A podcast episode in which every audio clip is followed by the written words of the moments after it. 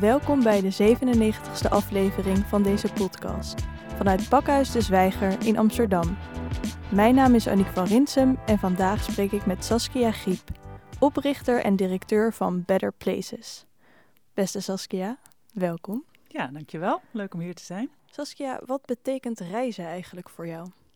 Oei, reizen, ja, dat betekent heel veel voor mij.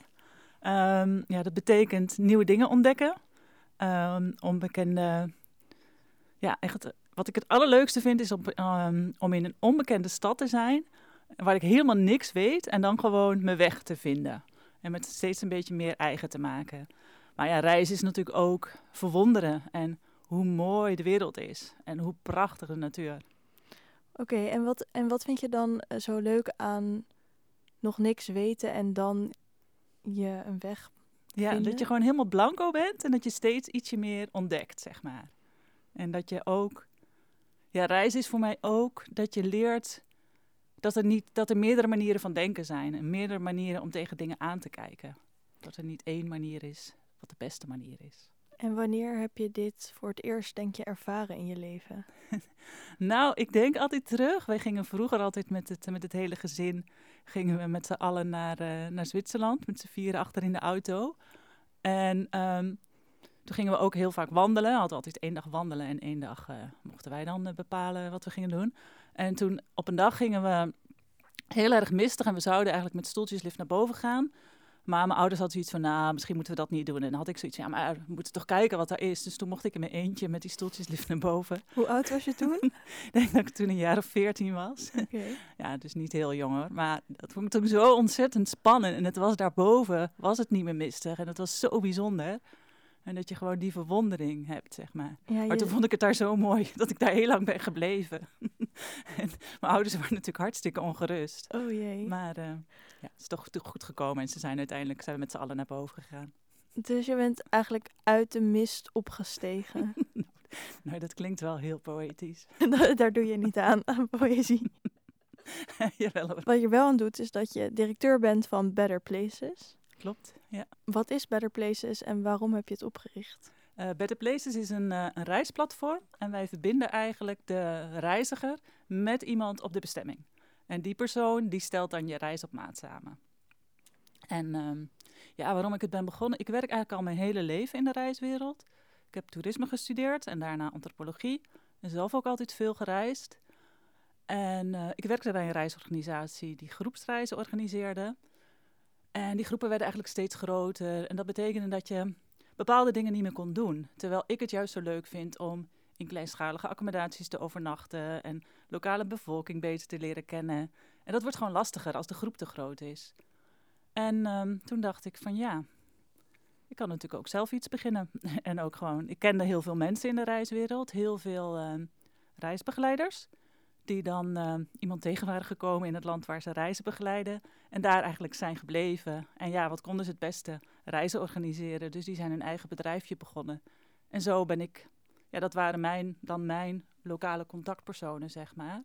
En zo ben ik het gestart. Dus ik kende eigenlijk al heel veel mensen die dan fungeren als reisexpert. Dus die wonen op de bestemming, zijn vaak Nederlanders of Belgen.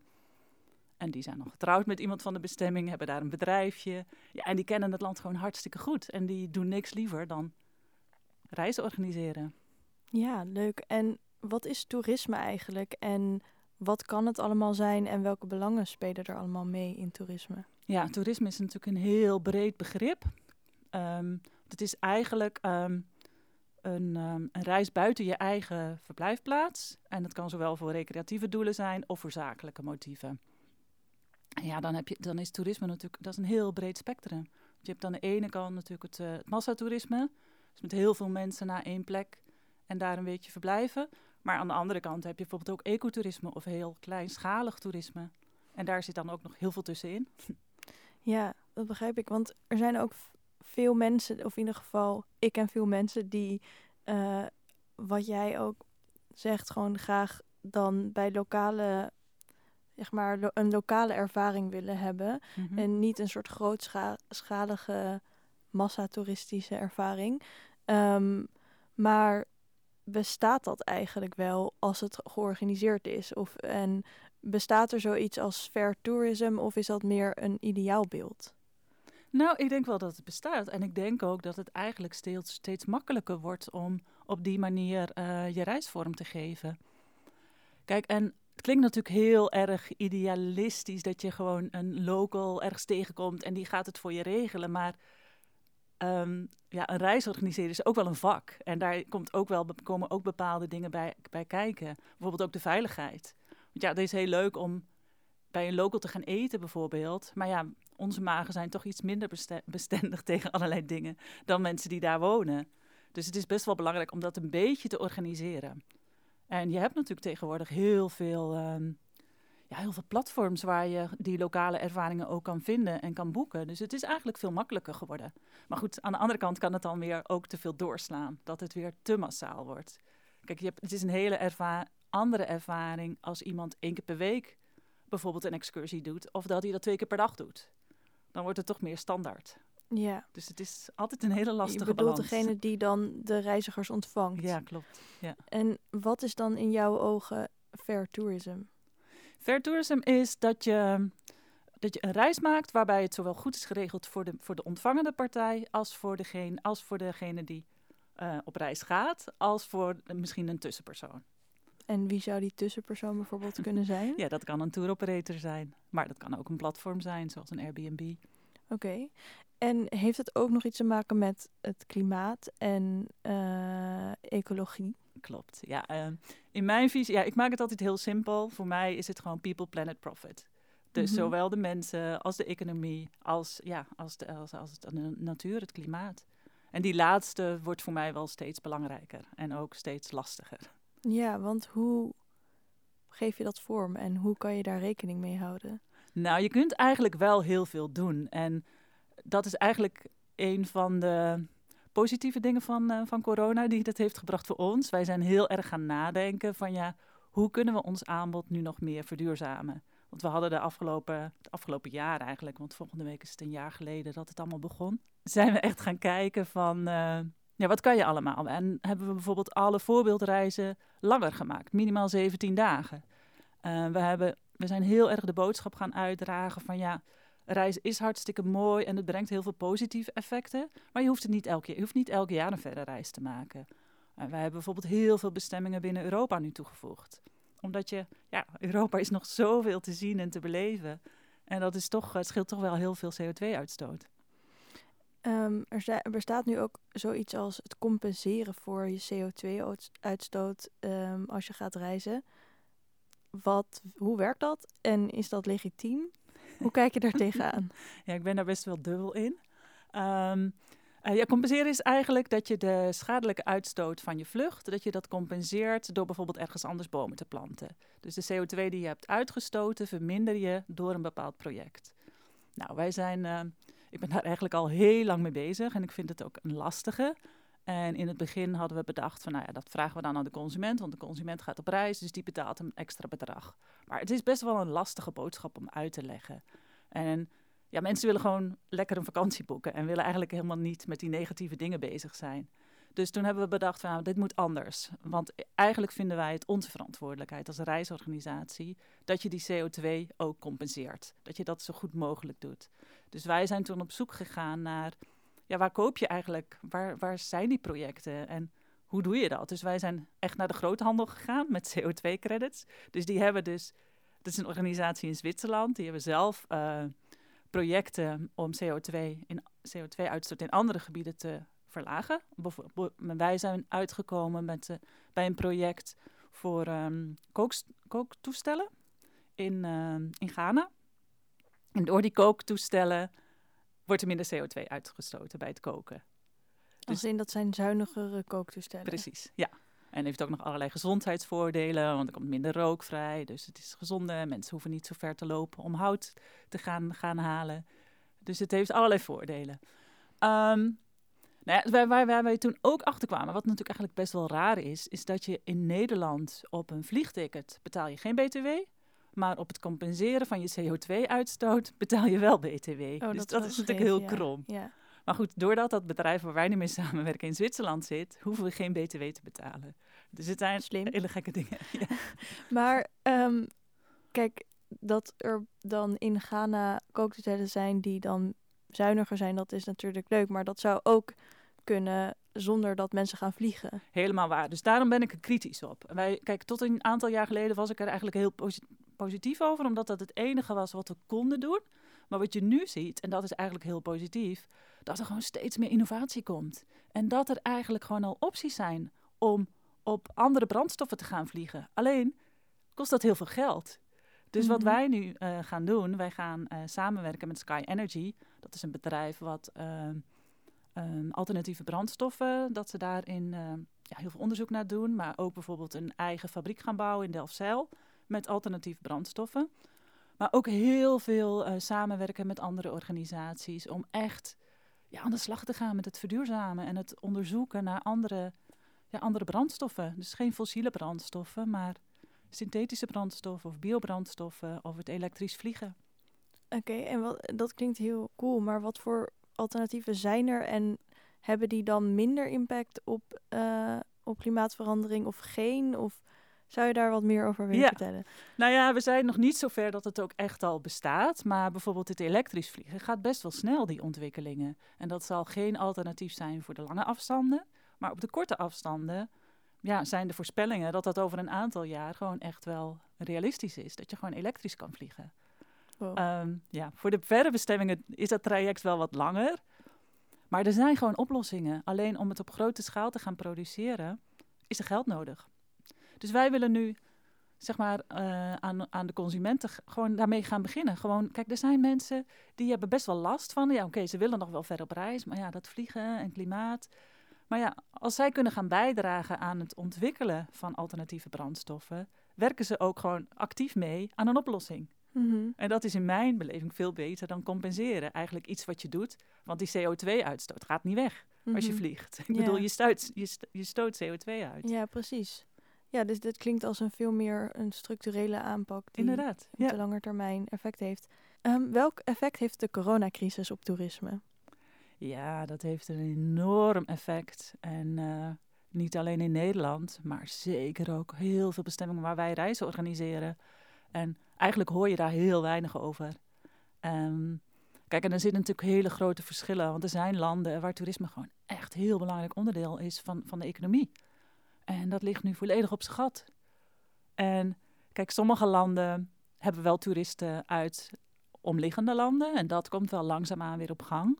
Maar er zijn bestemmingen waar dat gewoon eigenlijk geen optie is. Noem een land als Tanzania. Die hebben eigenlijk heel weinig toerisme uit de regio. Dus die zijn echt wel afhankelijk van toerisme uit, uh, uit Europa of uit de Verenigde Staten. Is er enig zicht op hoe dat wel weer zou kunnen? Nou ja, wat wij merken is dat er eigenlijk hele grote verschillen zijn in de landen. Uh, noem een land als Colombia, die hebben in een hele strikte lockdown gezeten. Echt maandenlang dat ze bijna niks mochten. Maar dan gaat het nu eigenlijk gewoon heel goed. Het normale leven vindt eigenlijk gewoon weer plaats. Maar wat het lastige is, dat wij als uh, reisorganisatie te maken hebben met de reisadviezen. En de Nederlandse overheid of buitenlandse zaken heeft gewoon eigenlijk alle landen op oranje gezet of op rood. Dat betekent dat wij als reisorganisatie geen reizen mogen uitvoeren. Kijk, ik snap het nu, omdat er nu in Nederland gewoon ja, de situatie is absoluut niet onder controle. Dus ik denk niet dat het een goed idee is dat Nederlanders nu naar Tanzania gaan. Maar ik denk over een tijdje, als wij het hier ook beter onder controle hebben, zie ik niet in waarom die reisadviezen allemaal op oranje moeten staan. Ik zou het heel fijn vinden als er gewoon echt wordt gekeken naar het aantal gevallen, gewoon per land kijken van ja, wat is het? Hoe, hoe is de situatie hier? Wat zouden dan criteria zijn die jij graag zou willen zien dat die in acht werden genomen? Nou ja, ik denk in ieder geval het aantal besmettingen, het aantal mensen in ziekenhuizen en capaciteit in ziekenhuizen. Want in principe is het natuurlijk zo dat je alles wat je doet buitenshuis is een extra risico. Dus reizen is in theorie gewoon een extra risico. Dus ja, hoe kijk jij daar tegenaan? Waar, waar kunnen we een soort lijn trekken in dat dat risico een, een oké risico is of een niet oké risico? Ja. Nou ja, ik denk sowieso, uh, wat ik altijd zeg, van het maakt niet uit waar je bent, maar hoe je je gedraagt. Ik denk dat dat gewoon heel erg belangrijk is. Ja, en verder denk ik dat het reizen pas echt weer goed op gang komt als, uh, ja, als de vaccinaties goed op gang komen en als de sneltesten gewoon beter beschikbaar zijn.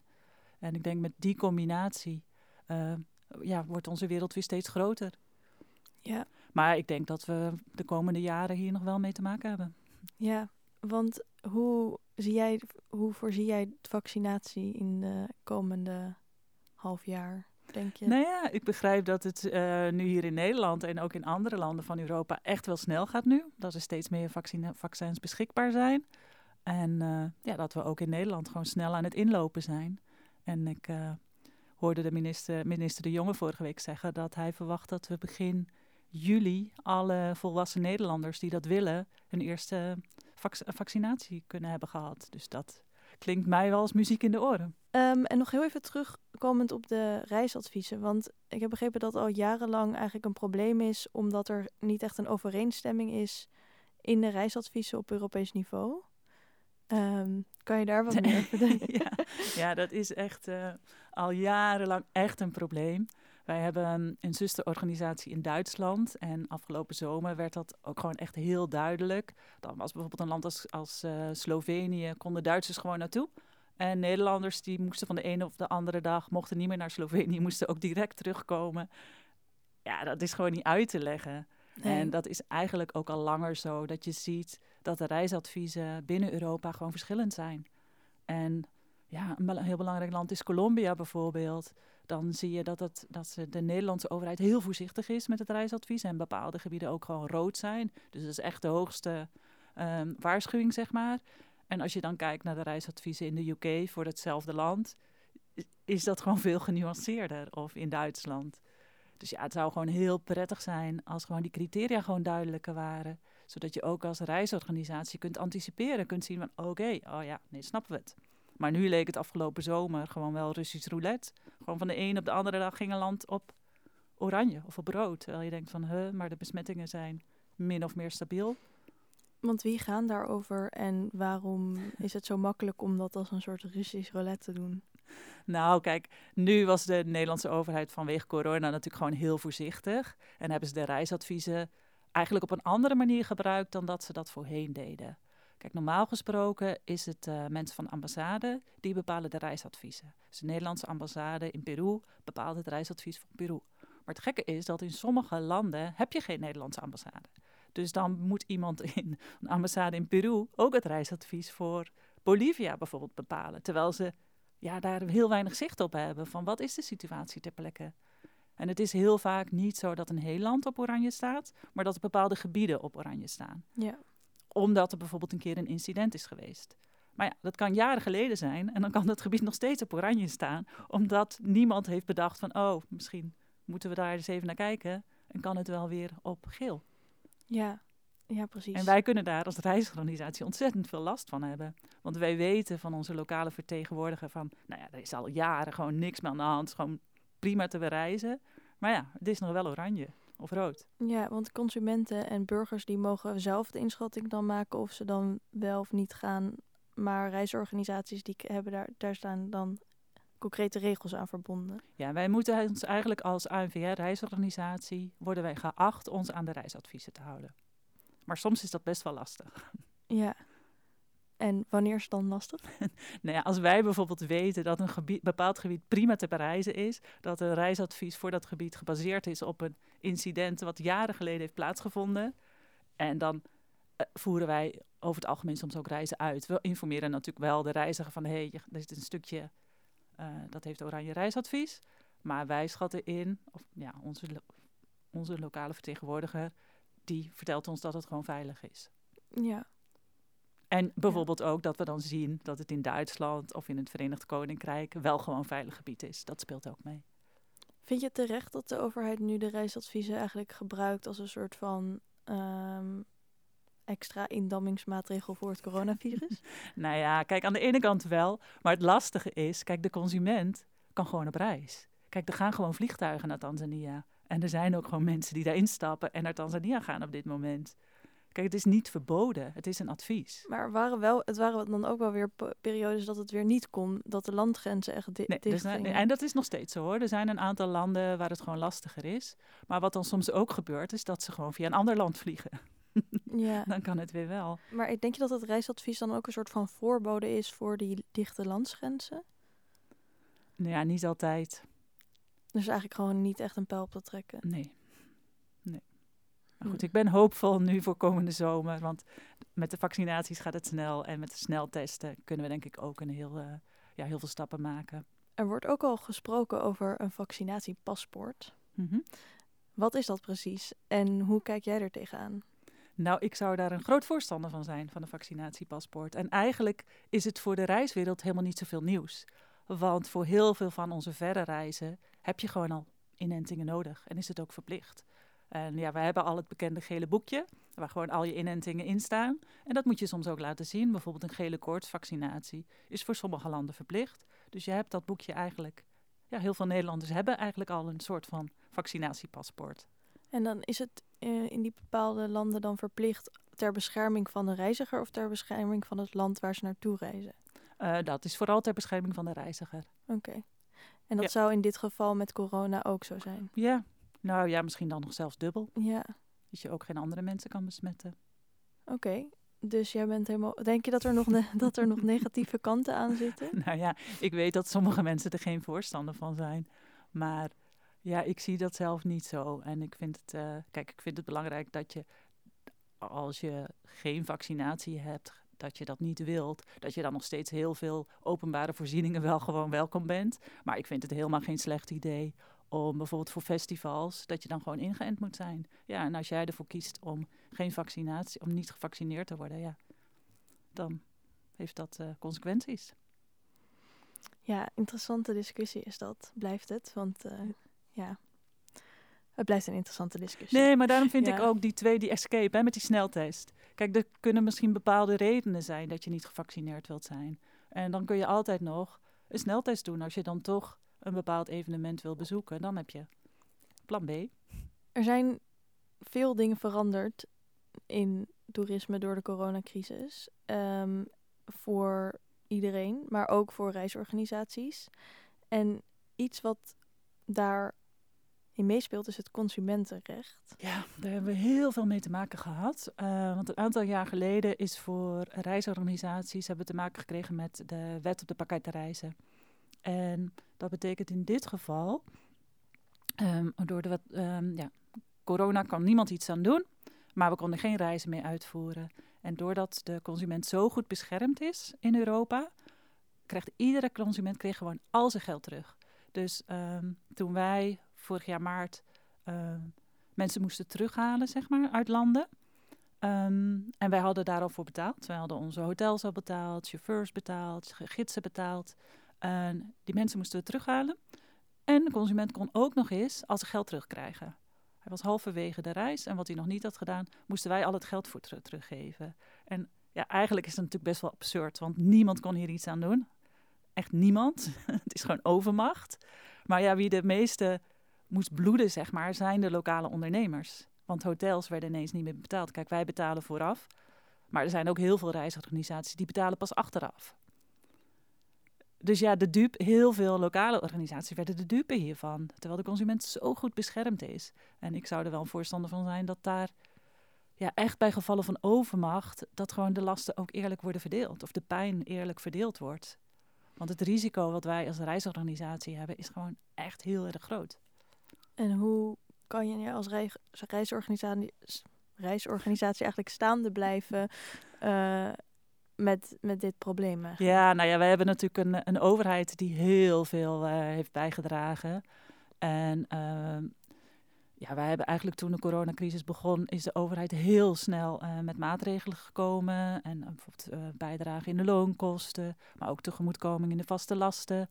En recent hebben ze ook besloten dat al die kosten voor het annuleren, zeg maar, die we vorig jaar hadden, doordat we hals over kop allerlei mensen moesten terughalen of annuleren, hebben we ook een tegemoetkoming voor gekregen. Dat is natuurlijk niet genoeg, maar het heeft wel voor bijgedra- eh, in bijgedragen dat heel veel reisorganisaties gewoon nog bestaan, zeg maar.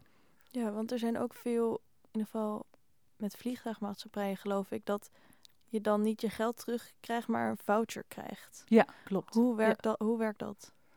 Nou ja, dat is dus, en dat, dat is ook voor reisorganisaties, dat je zeg maar, als wij, ehm, nou, vorig jaar hadden de mensen geboekt in juli, die konden niet op reis gaan.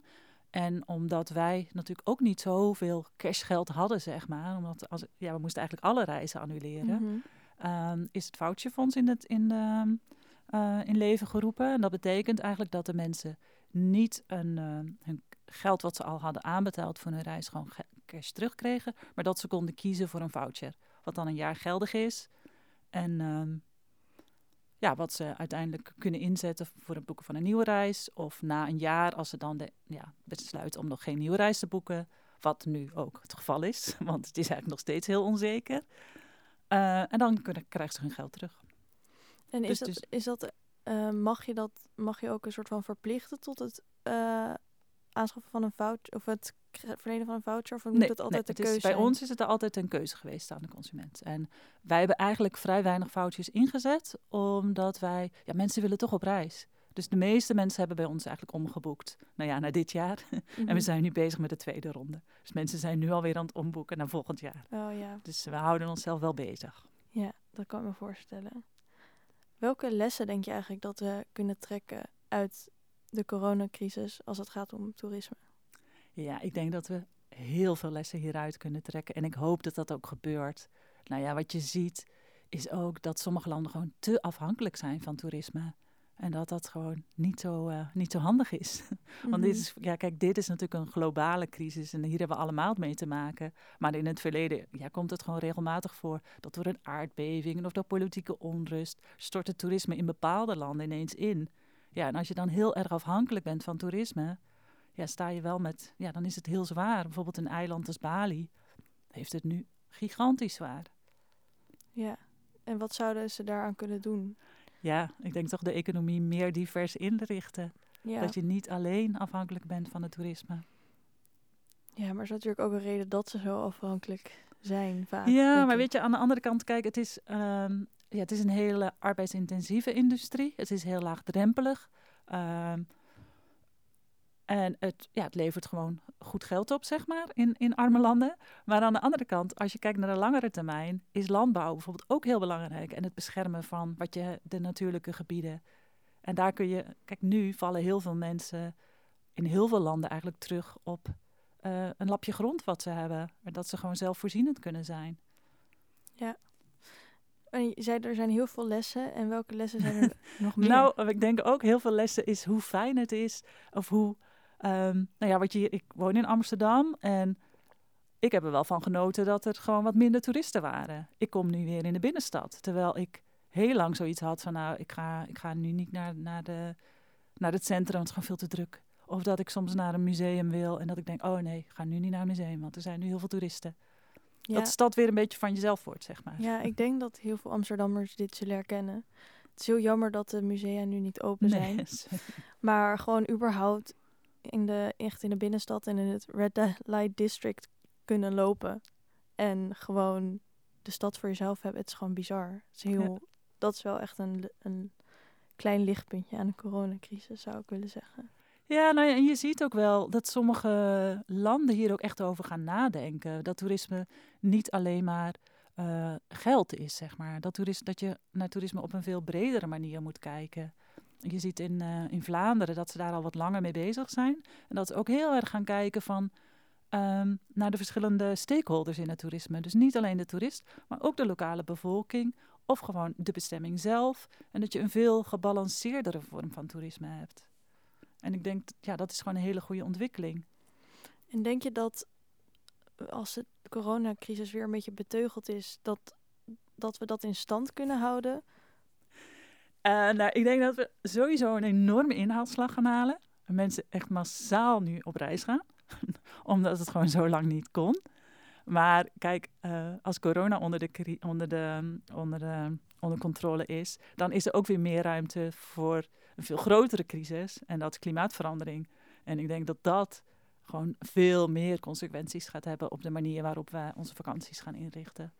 Ja, want hoe, hoe kunnen we nog reizen als we de klimaatcrisis in acht nemen? Nou ja, ik denk, um, we kunnen zeker nog reizen, maar we moeten op een andere manier gaan reizen. Kijk, ik ben helemaal niet voorstander van dat we niet meer op reis kunnen, maar er zijn zoveel meer vormen van reizen dan alleen maar ja, een verre reis of strandvakantie naar Thailand te boeken. Is zoveel meer mogelijk en ook dichter bij huis is er zoveel mogelijk. Want denk je dat er nog een plek is voor luchtvaart in deze tijd? Oh, absoluut. En denk, wij zijn, ja, we leven natuurlijk in een, in een uh, geglobaliseerde wereld. En ja, we zijn allemaal met elkaar verbonden. Iedereen heeft wel familie die, die, die in het buitenland woont. En waar je eigenlijk alleen maar met het vliegtuig op vakantie kan of uh, naartoe kan. Dus uh, ja, we kunnen niet meer naar de maatschappij zonder vliegen. Daar geloof ik niet in. Maar ik denk wel dat heel veel korte vluchtjes bijvoorbeeld, ja, die kunnen gewoon prima vervangen worden. Waarom zijn er twintig vluchten naar Londen? Dat is echt niet nodig. Ik Mhm. bedoel, daar is gewoon een alternatief voor. En ik hoop dat dat ook wel doorzet. Nou ja, wat denk ik ook een enorm gevolg is van corona, is dat er veel, meer zakelijk veel minder zakelijk gevlogen zal worden. Want we hebben nu wel ontdekt hoe makkelijk het eigenlijk is om gewoon online met mensen af te spreken. En dat je op die manier gewoon heel veel en heel goed ook contacten kunt onderhouden. Ja, zeker. En ook hoe prettig het is als je niet meer eh, ehm, naar Londen op en neer hoeft te vliegen voor een vergadering. Het scheelt je zoveel tijd. Ja, maar dus er moet wel ruimte blijven voor reizen naar verre landen af en toe. Ehm, en er moet ook wel ruimte blijven om je familie in het buitenland op te kunnen Absoluut. zoeken. Eh, maar wat, eh, ja, wat is overbodige luxe en wat niet? Ja, ik weet je, dat, dat is niet iets wat, wat ik bepaal voor, voor, voor anderen. Maar ik denk wel, als een, ja, ik zou er voorstander van zijn dat er veel meer geïnvesteerd gaat worden in, de, in het treinennetwerk.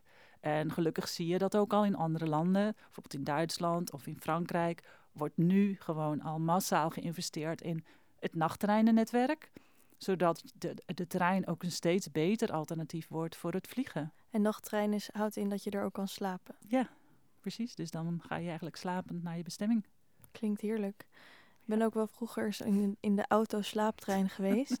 dan kan je, kon mijn vader zijn auto in de, in de trein rijden. En dan had je dus ook zo'n coupé. Wat je dan zo kon uitklappen en dan had je een bed. En ik weet Mhm. nog dat ik echt nog nooit zo lekker heb geslapen als Ja. toen. En zo op dat, ge, ge- Ja. dat deinende gevoel van die trein. Ja, echt een Ja, aanrader. ja, ik heb ook veel met, eh, met nachttreinen gereisd, in China ook. En eh, ja, perfect. Leuk. Ja, en dat is ook wat, wat wij willen doen, hè? Dat, dat de reis naar eh, je vakantiebestemming, dat dat ook veel meer onderdeel wordt. Het, is, het gaat er niet om dat je zo snel mogelijk van A naar B vliegt. Maar dat je gewoon, eigenlijk als je met de trein reist, begin je gewoon al in Nederland met je vakantie. Want je hoeft niet in één keer naar Spanje te reizen. Waarom niet gewoon een paar keer een tussenstop? Ja, dat is ook juist wel. Dat kan ook juist heel leuk zijn, omdat je dan het lang, landschap langzaam Ja. aan je voorbij ziet trekken en langzaam ziet veranderen. Dus comfortabele treinreizen is een idee om dat, om dat reizen, dat langzamere reizen leuk te maken. Heb je daar nog andere ideeën over? Wat denk ik ook belangrijk is, het is nu ehm, best wel een lastige keuze, omdat vliegen zo ontzettend goedkoop is. Eh, ja, je kan echt voor 25 euro naar Barcelona vliegen. En als je datzelfde traject met de trein wil doen, dan ben je niet alleen veel langer onderweg, wat natuurlijk geen probleem hoeft te zijn, maar het is gewoon vijf keer zo duur. En ja, dan is het soms wel lastig om die overstap te gaan maken, zeg maar. Ja, precies. En wat moeten we daaraan doen om daar verandering in te brengen? Nou ja, sowieso denk ik gewoon ook gewoon eerlijke prijzen voor. eh, nou ja, het is gewoon. Ik vind het heel gek dat je geen BTW betaalt over een vliegticket en wel over een treinticket. En dat eh, eh, vliegtuigbrandstof niet belast is. Waarom is dat eigenlijk ooit zo bepaald? Ja, dat is ooit zo bepaald omdat vliegen goed was voor de handel. En dan moest dat maar zo goedkoop mogelijk, zodat er zoveel mogelijk handel kwam. Maar ja, dat is natuurlijk vo- volledig achterhaald. Mhm. En zijn er al groepen die zich daar sterk tegen uitspreken? In de politiek bedoel je? Of Politiek en verlengstukken van de politiek.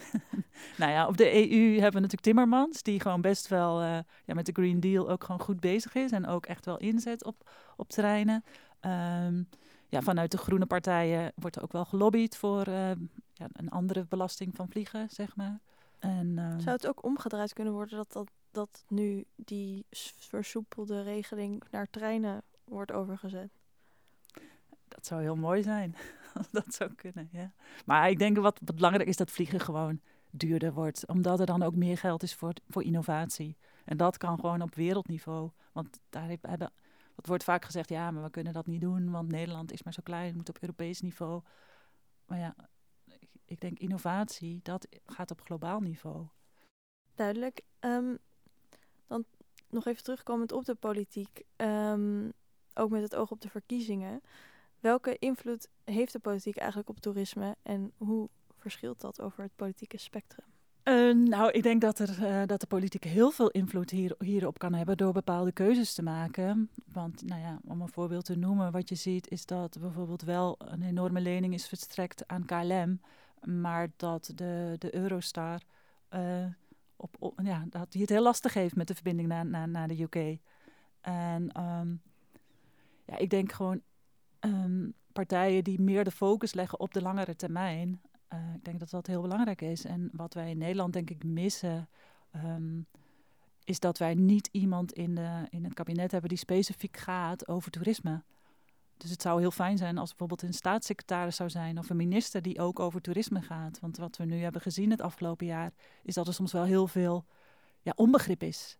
Dat, ze, dat mensen helemaal niet weten hoe toerisme eigenlijk in elkaar zit, hoe een reisorganisatie werkt en wat onze risico's zijn en hoe wij met onze handen gebonden zijn aan de reisadviezen, hoeveel invloed dat heeft.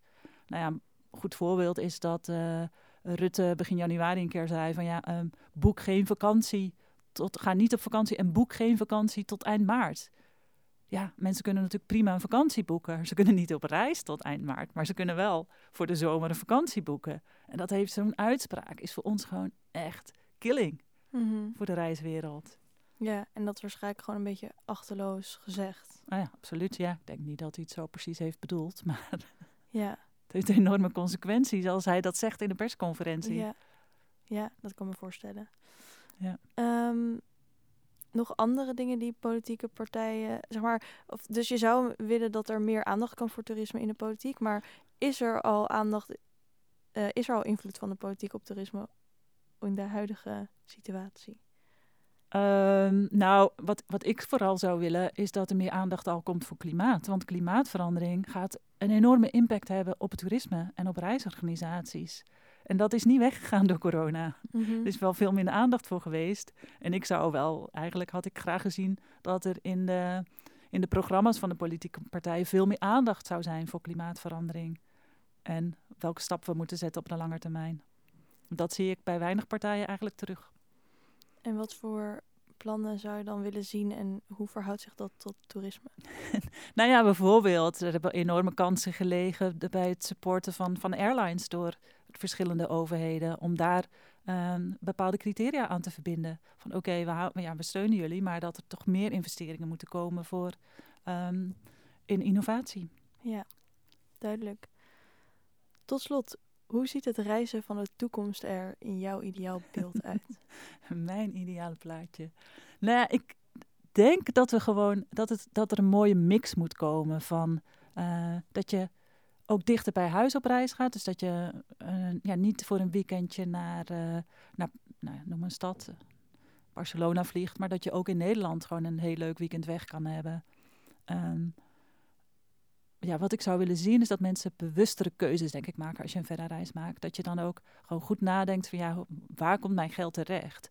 En dat je ook bedenkt dat een reis voor, nou zeg 600 euro voor een weekje naar Curaçao, dat dat misschien niet zo'n heel goed idee is. En als je dat nadenkt van de kosten van je vliegticket en van je hotel. Wat hebben de lokale mensen, wat blijft er dan nog over voor de lokale mensen als ik 600 euro betaal voor een weekje Curaçao? kan eigenlijk niet uit, toch? Nee. Dus jouw ideale toekomstbeeld is vooral misschien meer inzicht van mensen die op reis gaan. Ja, nou ja, en dan wel dat we gewoon op reis blijven gaan. Want ja, eh, reizen brengt natuurlijk ook heel veel goeds en het opent je wereldbeeld. En ja, je komt ook buiten je eigen hokje, zeg maar. Je ontmoet mensen. En dat je als, je on, als je op reis gaat, dat je daar ook voor open staat. Heel veel dank voor je komst, Saskia Griep. Graag gedaan. Beste luisteraars, dit was de 97ste aflevering van de podcastserie van Pakhuis de Zwijger. Wil je meer weten over dit onderwerp?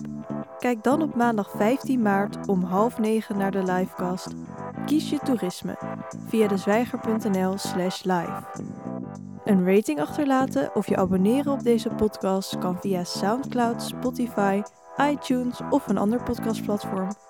Dank voor het luisteren en tot de volgende keer.